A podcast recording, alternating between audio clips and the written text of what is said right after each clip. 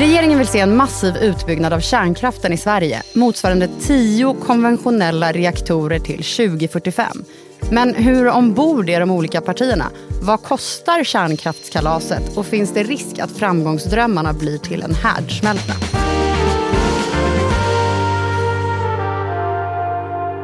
Det här är Älskade politik. Idag går vi till kärnan i kärnkraftsfrågan.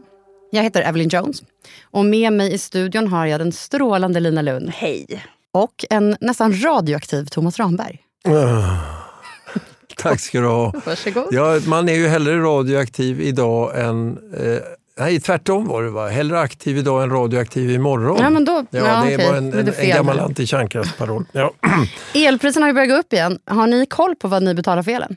Eh, nej, jag bor i lägenhet med fjärrvärme. Det ser bra ut. Tack och lov. Ja.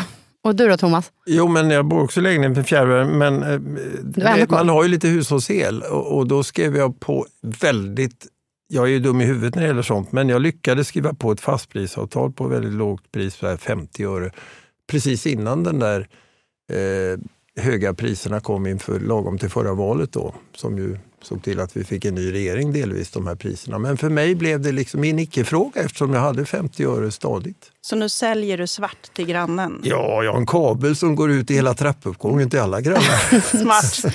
Då går vi in på kärnkraften. Idag tar Sverige ännu ett steg för ny kärnkraft. Ännu ett steg mot att bli en maktfaktor för eh, den gröna omställningen i väst. Ännu ett eh, steg för att bli en stark kärnkraftsnation igen. Jag ser framför mig att vi kommer ha en kärnkraftskapplöpning i Sverige motsvarande den rymdkapplöpningen som ägt rum tidigare där olika kommuner kommer att konkurrera med varandra om att vara först med att få en egen reaktor på plats. Det har varit en fråga som verkligen har varit på tapeten under senaste tiden. Och i valrörelsen, det kallades till och med för energivalet och kärnkraft var en riktig snackis får man ju säga. Men den här regeringen som sen tillträdde, vad är det den regeringen vill göra när det kommer till kärnkraft? Men regeringen har ju anklagats för att sakna visioner, för att inte vilja så mycket mer än att skärpa lagarna, bura in brottslingarna, utvisa invandrare. Men i kärnkraften har de ju verkligen hittat ett framtidsprojekt med en ganska storslagen vision om att bli någon sorts ny stormakt när det gäller atomklyvning. Och finansminister Elisabeth Svantesson har ju lovat att ett första spadtag för ny kärnkraft ska tas redan innan den här mandatperioden är slut. Alltså ganska snart. Och, och målet är ju att ha åtminstone eh, motsvarande då två storskaliga reaktorer på plats innan år 2035. Eh, och bland det första man gjorde som ny regering var ju att eh, förbereda den här propositionen som innebär att det snart ska bli tillåtet att ha fler än tio reaktorer i drift samtidigt. Det har ju varit, inte varit tillåtet tidigare. Och också göra det möjligt att bygga på fler platser än där det idag redan finns eh, kärnkraft. Och det här är ju verkligen en fråga som faktiskt svetsar samman partierna i regeringsunderlaget. Eh, vilket är speciellt med tanke på att eh, det tidigare varit en sån fråga som splittrat eh, gamla regeringar och fått eh, allianser att falla. Men, och vad är det som gör att regeringen så gärna vill göra det här? Jag tror den där svetsen Lina var inne på är en nyckelfråga här. Alltså för att de här partierna är ju inte särskilt enade i klimatpolitik och de har tyckt att de har varit på defensiven gentemot eh, vänstersidan när det gäller just de här miljö och klimatfrågorna. Och så hittade man kärnkraften som ganska lämpligt kom samtidigt som januariavtalet gjorde att de partier som stod utanför till höger var helt eniga i kärnkraftsfrågan. Alltså liberaler, Sverigedemokrater som annars är oeniga i miljö och klimatpolitik kunde mötas om kärnkraftens positiva sidor. Man längtade efter mer kärnkraft. Och moderater och kristdemokrater var ju också på den linjen. Så här Och då- till och med L och SD. Ja, så man byggde en grön högerpolitik kring kärnkraft. Därför att där visste man ju också att där kunde man förena en egen idé om vad framtidens gröna el skulle vara med, någon, med någonting som, som gick att förena med eh, motståndet mot Miljöpartiets lösningar. För Miljöpartiet är ju emot kärnkraft. Ja. Och då kunde man säga att allt det där dumma som kom från Miljöpartiet som gör att ni får dyrare diesel, som, som gör att ni eh, får ställa om ert liv och inte kan flyga till Thailand lika mycket. Vi har ett svar på det. Vi har kärnkraften. Och sen handlar det ju också om att eh, det görs bedömningar om att behovet av el kommer öka väldigt kraftigt i takt med den gröna omställningen. Ska man ha den här elektrifierade bilflottan, ska man tillverka grönt stål, ska pappersindustrin ställa om, men då kommer det behöva krävas väldigt mycket mer el än vad vi har idag och i kombination med eh, utsläppsmålen. Och då är kärnkraften den lösning som det här gänget vill se. Ja, och det tillfredsställer också de som ogillar vindkraft och tycker att det är fult och låter illa och sådär. Då mm. kunde man hävda att man ska ha kärnkraft Då kan man se ett fint kärnkraftverk istället. Ja, det, det, låter inte så mycket ännu. Nej, det kanske Nej. inte är. Ehm, och också det, den aspekten liksom, som förespråkare av kärnkraften hela tiden lyfter fram att eh, förde, den har fördelar som de här förnybara energikällorna inte har. Den är planerbar, eh, den bidrar till en stabilisering i elnätet. Så att oavsett hur mycket man bygger ut vind och, och sol så kommer det behövas den här baskraften som finns där resonerar de. Ja, men alltså tio nya eh, kärnreaktorer. Men hur ska man göra det här och vad, vad inspireras man av i världen? Ja, det, alltså tidigare då, eh, vi behöver inte gå tillbaka så många år, så var eh, nästan alla partier överens om att man ska inte satsa en krona på kärnkraft av statliga medel utan man ska göra det mer eller mindre lättvindigt för marknaden att eh, hantera den här frågan. Om de vill ha kärnkraft eller inte så är en privat investerare välkommen. Tycker de att det är för dyrt så får vi väl låta det bli det då. Mm. Det fanns en ganska bred enighet om nästan alla partier. Och då hade man ju så avskräckande exempel i debatten från kärnkraftens kritiker. Och de exemplen har nu blivit samma exempel som används för att staten ska vara beredd att faktiskt gå in med ta risk. Spännande. Skattebetalarnas miljarder ska satsas på kärnkraft om det behövs.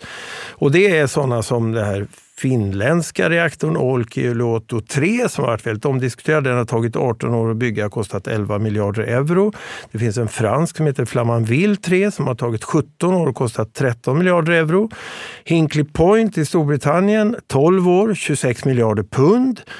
Eh, och vi har ett exempel i Förenade Arabemiraten. Det var flera reaktorer på samma ställe då, som tog 12 år och kostade 24 miljarder dollar. Man kan säga att det är billigare eftersom det var fyra reaktorer i ett paket. Där. Mm. Men det är ganska stora summor det handlar om. Mm. Och slutsatsen förr var ju då, det är för dyrt. Slutsatsen nu verkar vara, ja det är så dyrt så staten och skattebetalarna måste nog gå in för att det här ska bli av.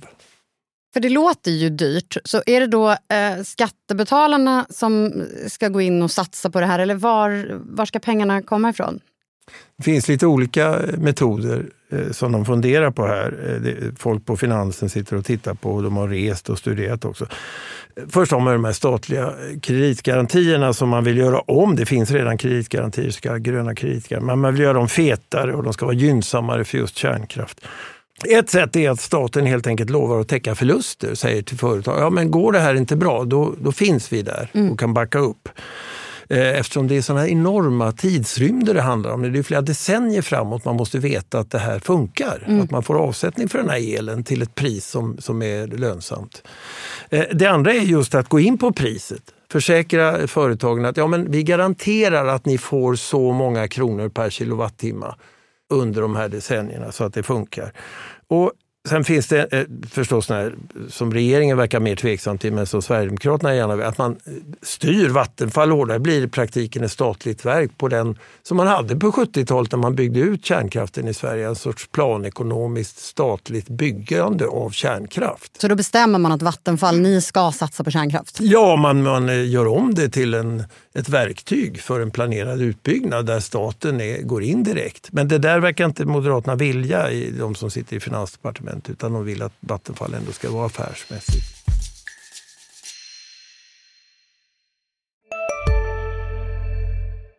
Har du också valt att bli egen? Då är det viktigt att skaffa en bra företagsförsäkring. Hos oss är alla småföretag stora och inga frågor för små. Swedeas företagsförsäkring är anpassad för mindre företag och täcker även sånt som din hemförsäkring inte täcker. Gå in på swedea.se företag och jämför själv. Alltså äter du i duschen? Nej, det gör jag verkligen inte. Men alla gör ju det nu. Duschsnacks, Frans. Vilka är alla? Ja, men alla på TikTok och bloggar och allt möjligt. Så det är, de har en tallrik i duschen och så är det lite så här oliver och ostbågar typ. Nej men gud, tapas. Där drar jag gränsen. Jag, jag kan sträcka mig till duschöl. Men annars så får man torka sig innan man hugger in på godsakerna. Ja, men lyssna på Nära vänner, en podd med mig Fanny och dig Frans med Expressen. Viktiga nyheter. Dina exempel här, det lät ju som ganska mycket pengar. Har man någon aning om vad det här kommer kosta? Ja, men det är ju 100 miljarders frågan. Svaret är nog att ingen vet. Eh, det man vet, och det gäller ju i stort sett alla jättelika byggnadsprojekt oavsett om de strålar eller inte, att det nästan alltid blir dyrare och tar längre tid än planerat. Samtidigt finns det ju förhoppningar om att den här nybyggarandan vad gäller ny kärnkraft som man ser på olika håll i världen. Sverige har ju gått med i den här kärnkraftsalliansen med, tillsammans med Frankrike, Storbritannien och en rad andra länder som gemensamt ska satsa på ny kärnkraft. Man hoppas hoppas att det ska leda till att liksom priserna pressas. Ju mer som byggs, desto billigare blir det. Eh, och det handlar om någon sorts eh, ökad standardisering, att man har beprövade reaktormodeller och det finns projektledning som är eh, framtagen och mer erfaren. Eh, och sammantaget ska det då leda till att det inte blir de här eh, meganotorna som Thomas nyss eh, räknade upp. Samtidigt som massa andra faktorer också spelar in. En sak som vi fått vänja oss vid på, på senare tid är ju stigande räntor. Och räntorna spelar ju en avgörande roll för slutpriset i så stora investeringar. Och att bygga kärnkraft i liksom en minusräntemiljö är något annat än att bygga mm. kärnkraft i, i räntechockernas tidevarv. Men det här som kom nu på eh, klimatmötet om att man vill tredubbla den globala kärnkraften, har det också med det här att göra? Att det kan bli billigare av att göra det?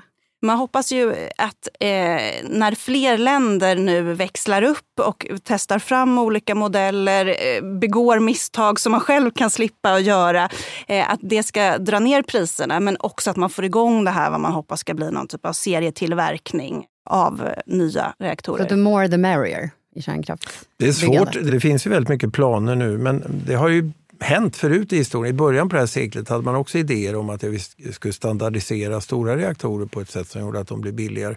Man pratade om kärnkraftens renässans och sånt.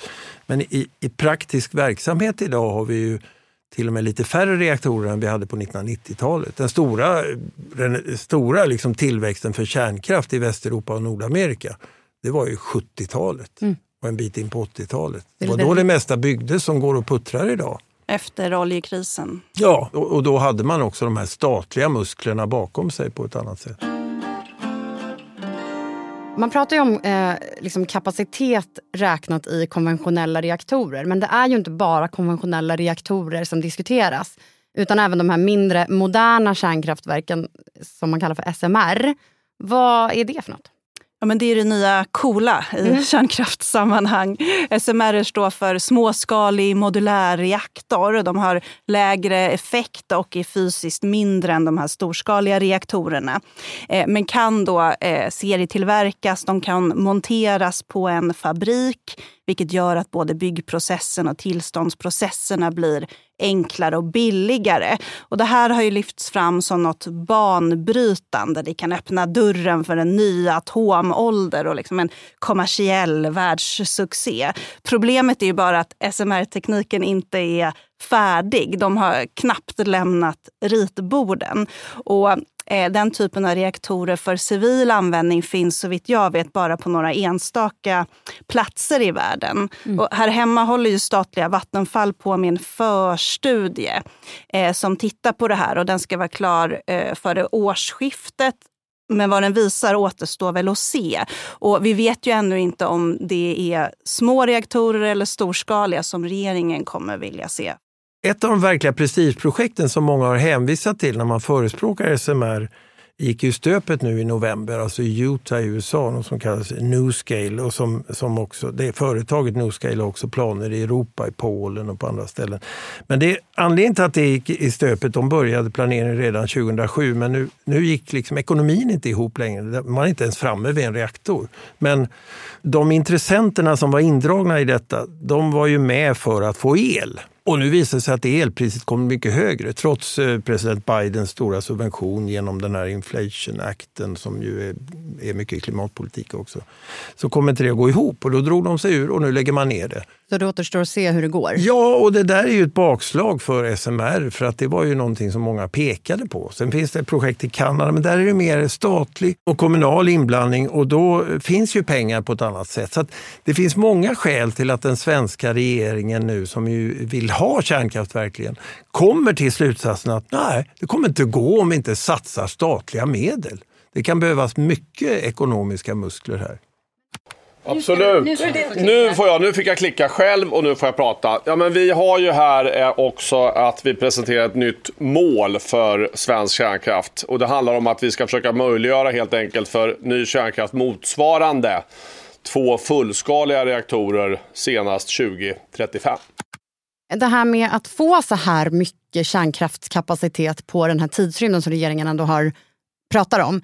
Är det ett möjligt scenario? Det är väl inte så många som... Eh, det finns ju ingen direkt erfarenhet som tyder på att det skulle bli det tempot utan det är ju väldigt mycket som ska falla rätt på plats. Men jag tror att det viktigaste för den här regeringen eh, det är nog vad man lyckas åstadkomma på ganska kort sikt till nästa val. Alltså, kan man få någonting att börja rulla med tillståndsprocesser, ansökningar, projekt då ställer man så att säga nästa regering, vare sig det är den egna eller oppositionen som har vunnit det valet, inför en situation där det finns något som har börjat. Det behöver inte alls betyda att det levererar ström till 2035 eller till 2040 eller någonting sånt. Men det liksom skapar ett affärsmässigt faktum som en ny regering måste förhålla sig till. Det blir svårare för Socialdemokraterna att säga att det här ska vi bryta, det kommer att kosta pengar, kanske skadestånd. Man kanske har fått till en lag som man ju har talat om, en lex MP som ska hindra att man byter energipolitik ostraffat. Eh, då kanske det blir dyrt att stoppa det där och så vidare. Så mm. jag tror egentligen att, att de där framtidsvisionen, vad det finns för stad ovan molnen är mindre viktigt än vad man klarar nu. Och det är därför man har så bråttom med de här sakerna. Det är därför man bara pratar om de här garantierna och pengarna och att ge muskler till företagen som vill satsa. Och framförallt är det ju Vattenfall, det egna företaget det handlar om. Och nu är vi inne på halvtid. Och då är det så att den här frågan om kärnkraft har ju varit het, olika het under olika perioder. Men det kan man också se på att den har eh, dykt upp i kulturen och då bland annat i musiken. Och ni har ju då valt ut några av era kärnkraftsfavoritlåtar. Lina, har du någon? Eh, jag valde givetvis Kraftwerk, radioaktivitet eh, och, ska jag ta en till? Mm, gör det. Eddie Medusas dänga Mera kärnkraft. Så ni som är emot den, ni begriper ingenting. Och den som protesterar åker på en högersving. Mera kärnkraft. Thomas då? Vad är din favorit? Crawl out through the fallout. Den handlar väl, det är väl en sån här eh, framtid, gammal framtidsvision om på den tiden, på 50-60-talet, var det mycket kärnkraft och kärnvapen var ju lite samma debatt. Mm. Att det här eh, smäller på något sätt och blir väldigt jobbigt för väldigt många människor. Och Crawl out through the fallout är av en kille som heter Sheldon Allman. Är den har det ja, den har det hurtiga. Den, den presenterades som folkmusik för det 21 århundradet. Crawl out through the fallout baby when they drop that bomb Härligt. Vill du höra hela listan på Thomas och Linas favoritkärnkraftslåtar så hittar du en länk i avsnittsbeskrivningen. Nu är ju då de flesta partier ombord i kärnkraftsutbyggnaden på ett eller annat sätt. I vissa fall har man ändrat sig i sin ståndpunkt. Och självklart ska vi snabba på elektrifieringen. Men inte med ny kärnkraft. Den är för dyr. Någon som är sugen på högre elpriser? Jag är kär i billig el. Och jag är beredd att göra det som krävs för att vi ska bygga ut mer el i Sverige och behöver all el vi kan få. Från vattenkraft, från kärnkraft, från vindkraft och från solkraft. Men två partier står envist kvar vid sina nej. Om vi kort bara ska redogöra, var står partierna idag i kärnkraftsfrågan? Ehm, de här två partierna, nej-partierna som du nämner är ju förstås Miljöpartiet och Vänstern. Miljöpartiets hållning är glasklar. Kärnkraften är smutsig och farlig. Den är dyr att bygga och den kommer aldrig att lösa klimatkrisen. Och det eh, färska språkröret Daniel Heldén har ju också ställt ett ultimatum eh, flera gånger faktiskt. Han tänker inte sätta sig i en regering som bygger ny kärnkraft.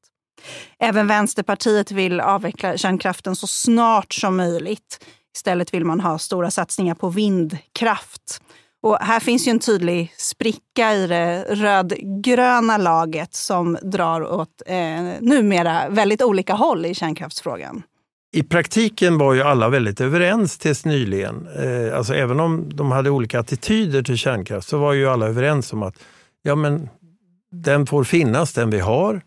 Och skulle någon vilja bygga några till så får man det, för man fick ersätta de nedlagda reaktorerna. Man fick bygga upp till tio reaktorer och så vidare. Det fanns en bred enighet om det. Det blev ju ingen kärnkraft då. Så att det är egentligen först nu när regeringen kommer med den här idén om att man ska betala eh, och riskera statliga medel på kärnkraften som det blir en ny stor skillnad i kärnkraftsfrågan. Och det som du var inne på Lina, det som är spännande är var hamnar Socialdemokraterna i detta? Kommer de att ge finger, lillfingret menar jag, till att satsa pengar eller inte? Var står de i nästa val? Det kan vara helt avgörande för kärnkraftens framtid. För skulle de vara överens med Miljöpartiet om att man inte ska satsa pengar. Då spelar det ingen roll om de tycker att kärnkraft är jättebra och får gärna byggas medan Miljöpartiet tycker kärnkraft är tråkigt och vi ska inte bygga något mer. I praktiken får det ingen betydelse annars. Men vet vi var Socialdemokraterna står idag? Då? Ja, det, är det, man skulle, det, det verkar lite oklart, för man säger ju jo men visst vi får bygga mer och man fick panik inför förra valet när man förstod att folkopinionen var för kärnkraft och hörde till och med av sig till SVTs valkompass och sa, ändrade sitt svar och sådär. Så frågan är hur mycket som är ett blött finger i luften och hur mycket som är genuin vilja att gå in med statliga medel när det väl gäller. Hittills har man ju sagt nej till det. Jag kollade så sent som i morse vad Socialdemokraterna skriver på sin hemsida om kärnkraften. Och där eh, kan man hitta två ganska olika positioner. Eh, först står det, citat, Socialdemokraterna motsätter sig inte att fler än tio nya reaktorer byggs i Sverige. Och lite längre ner så står det att vi ska se till att rätt förutsättningar finns på plats för att möjliggöra en successiv utfasning av kärnkraften. Mm. Och det har man också ett principbeslut på från kongressen 2021. Eh, och hur, hur de här två går ihop förstår jag inte riktigt. Alltså det är sen gammalt, ända sedan folkomröstningen 1980 har ju Socialdemokraterna haft kongressbeslut på att kärnkraften ska avvecklas i enlighet med den folkomröstningen. Så det är onekligen en bra fråga hur man ska få ihop allt det här. Jag tror att det blir en ny diskussion på nästa socialdemokratiska partikongress 2025. Och så kommer man att skriva om det där på något sätt som passar ett valbudskap inför 26. Och Centern då? Eh, ja, men Centerpartiet har ju haft liksom, kärnkraftmotståndet i sitt DNA. De har ju fått tillsätta statsminister eh, till stor del på den frågan. Och också de har svängt nu. De går eh, med på att fler reaktorer byggs och vill att det här förbudet som har funnits mot max 10 stycken i drift samtidigt tas bort. Eh, samtidigt är de också väldigt eh, noga med att betona att eh, kärnkraften måste bära sina egna kostnader. Eh, det ska inte upp några skattepengar på bordet. Men, men det är ändå en, en stor förändring för ett parti som eh, haft just motståndet som så viktig fråga.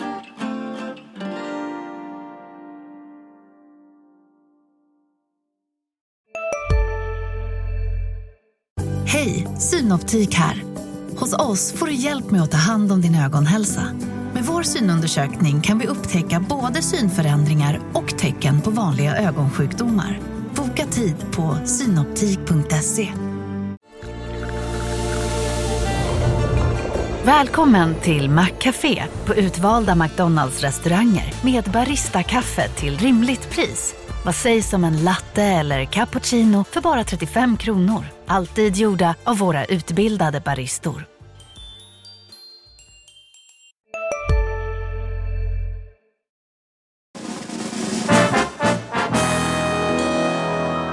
God afton, rapport tisdag den 29 april.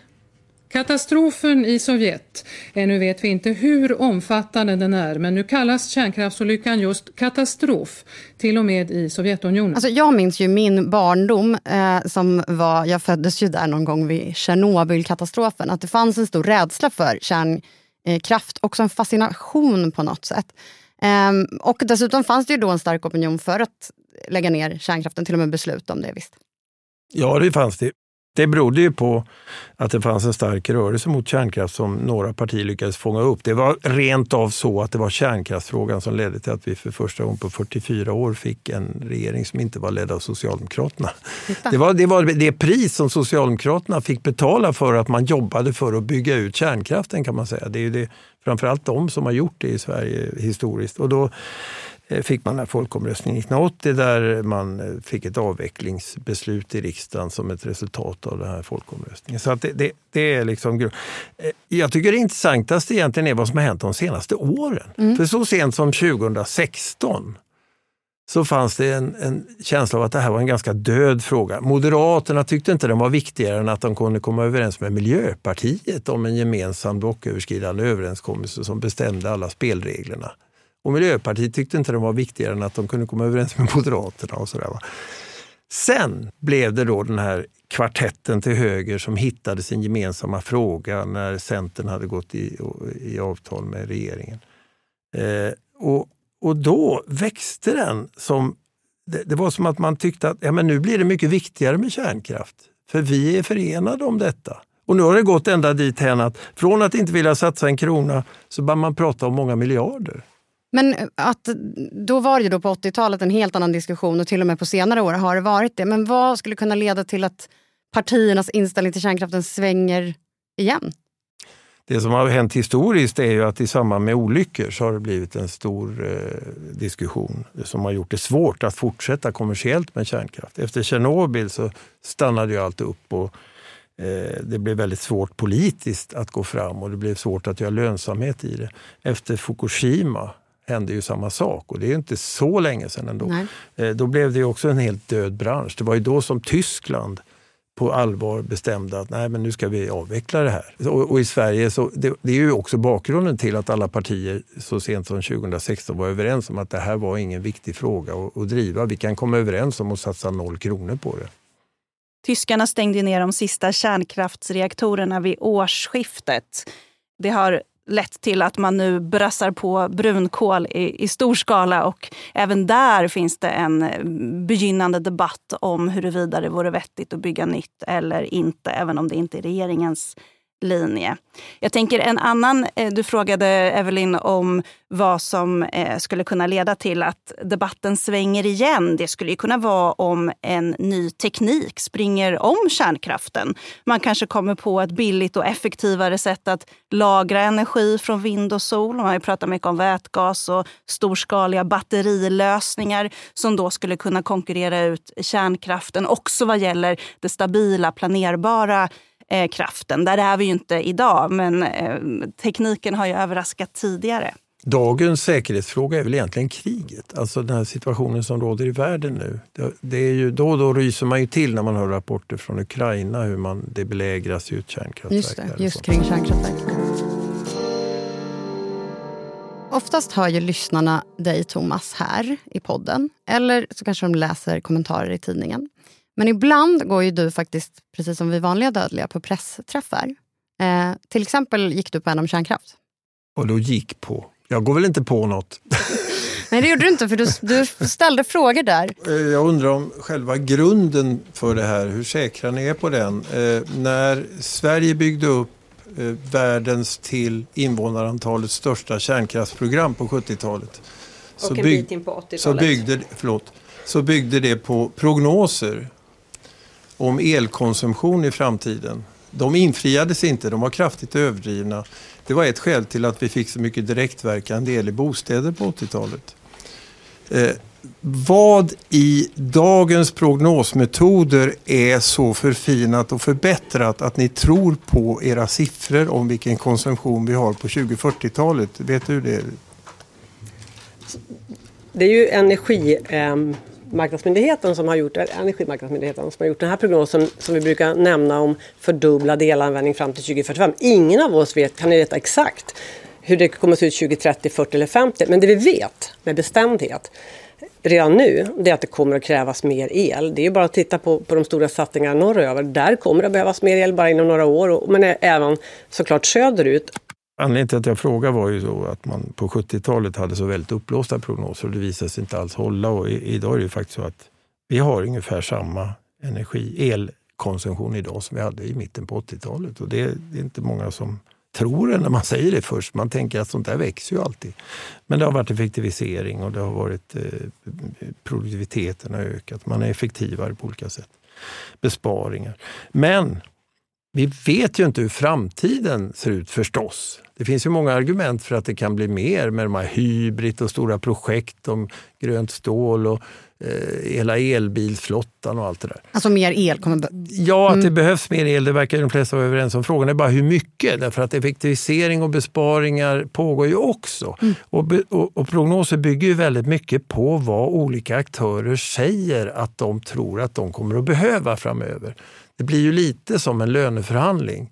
Hur mycket tror du att du behöver tjäna om tio år? Ganska mycket. Ja, men man tar ju ofta i lite då. Mm. Så att, jag, jag, tror att det ändå är någonting att se på. Hur kommer de där prognoserna till? Hur mycket ska vi... Kan, kan man fatta så gigantiska ekonomiska beslut som det här handlar om bara baserat på dem? Eller borde de granskas lite noggrannare? Men när det, det, handlar ju om långa tidsrymder, det har vi pratat om här. Att liksom 2045 är ett mål, 2035 är ett mål. Är det enklare att kom, ha så storslagna planer ändå som kostar mycket pengar när man pratar om en så lång tidsrymd? Men det här är ju verkligen motsatsen till helikopterpengar när man strösslar eh, sånt som ska göra väljarna nöjda och glada här och nu. En eventuell kärnkraftsutbyggnad kommer ju kanske att betala av sig när våra barn eller barnbarn ska betala elräkningarna. Eh, och vill man se det välvilligt kanske man kan tycka att det snarare är liksom modigt att satsa så mycket pengar på något som kommer ge utdelning först väldigt långt i framtiden. Nu är vi inne på övertid och vi har fått en fråga igen. Visst är ni glada? Ja! Vilket rungande ja. Det är i alla fall från en lyssnare som heter Otto. Och Han undrar hur det är att rapportera om svensk politik när tonläget är så högt som det är nu i så många frågor. Ja, herregud. Jag tänker att bevaka politik är lite som att kliva in i ett klassrum i ett lätt dysfunktionell svensk skola. Det står någon där framme vid katedern och gastar om att han eller hon är den vuxna i rummet, men ingen lyssnar. Och så är det, sitter det två personer med uppmärksamhetsbehov och kastar suddgummin och skriker om att det var någon annan som började och att den borde köras ut ur klassrummet. Bråket hinner inte redas ut innan det är dags för ett nytt. Rektorn är utbränd och har lämnat eh, byggnaden. Nej. Det låter som en toppen arbetsmiljö. Det är ju, eh, man får tänka att det finns en riktig värld där ute också. Att verkligheten pågår samtidigt som eh, folkvalda riksdagsledamöter eh, twittrar eh, glåpord mot varandra. Mm. Vad säger du Thomas? Jo, men jag håller med om det sista och eh, problemet är väl då när de här tonfallet i eh, X eller Twitter eller vad det heter letar sig upp i talarstolarna i den verkliga debatten. Då blir det mer svårhanterligt. Ska man ta det här på allvar eller ska man beskriva det här som den sorts överdrifter som det faktiskt är eller den sortens medvetna eh, förenklingar i bästa fall eller rent av förvrängningar som bara är till för att skaffa sig en retorisk poäng. Det är liksom ett problem för, som tusen människor redan har påpekat, ett problem för det demokratiska samtalet. Jag tänker att det måste varit så annorlunda, nu tittar jag på dig Thomas, att bevaka svensk politik före sociala medier. När det fanns liksom två statliga tv-kanaler, en statlig radio och några tidningar. Ja, fast det bara, bara att det gick långsammare. Jag menar, eh, Torbjörn Fälldin påstod i mitten på 70-talet att Socialdemokraterna höll på att bygga någon sorts DDR i Sverige. Just det. Eh, eh, Socialdemokraternas dåvarande Sten Andersson påstod att den ledande oppositionspolitikern Bengt Westerberg hade en felprogrammerad hjärna. Mm. Så att det fanns, Det ju, det fanns ju fula saker så att säga, eller hårda angrepp som inte hade direkt bas i verkligheten även på den tiden. Men det liksom kom inte en gång i sekunden. Va? Det är också väldigt roligt Ja, och det- väldigt spännande. Bra, och bra väldigt tillägg. viktigt. Ja, viktigt också. Ehm, tack Lina. Tack. Och tack Thomas. Tack själv. Och tack för att du lyssnade. Du har lyssnat på Älskade politik och vi är som vanligt tillbaka på onsdagar. Producent var Viktor Aldén. Musik och klippning gjordes av Patricio Samuelsson. Klippen kom från SVT och riksdagens hemsida. Och ansvarig utgivare för dagens nyheter är Peter Wolodarski.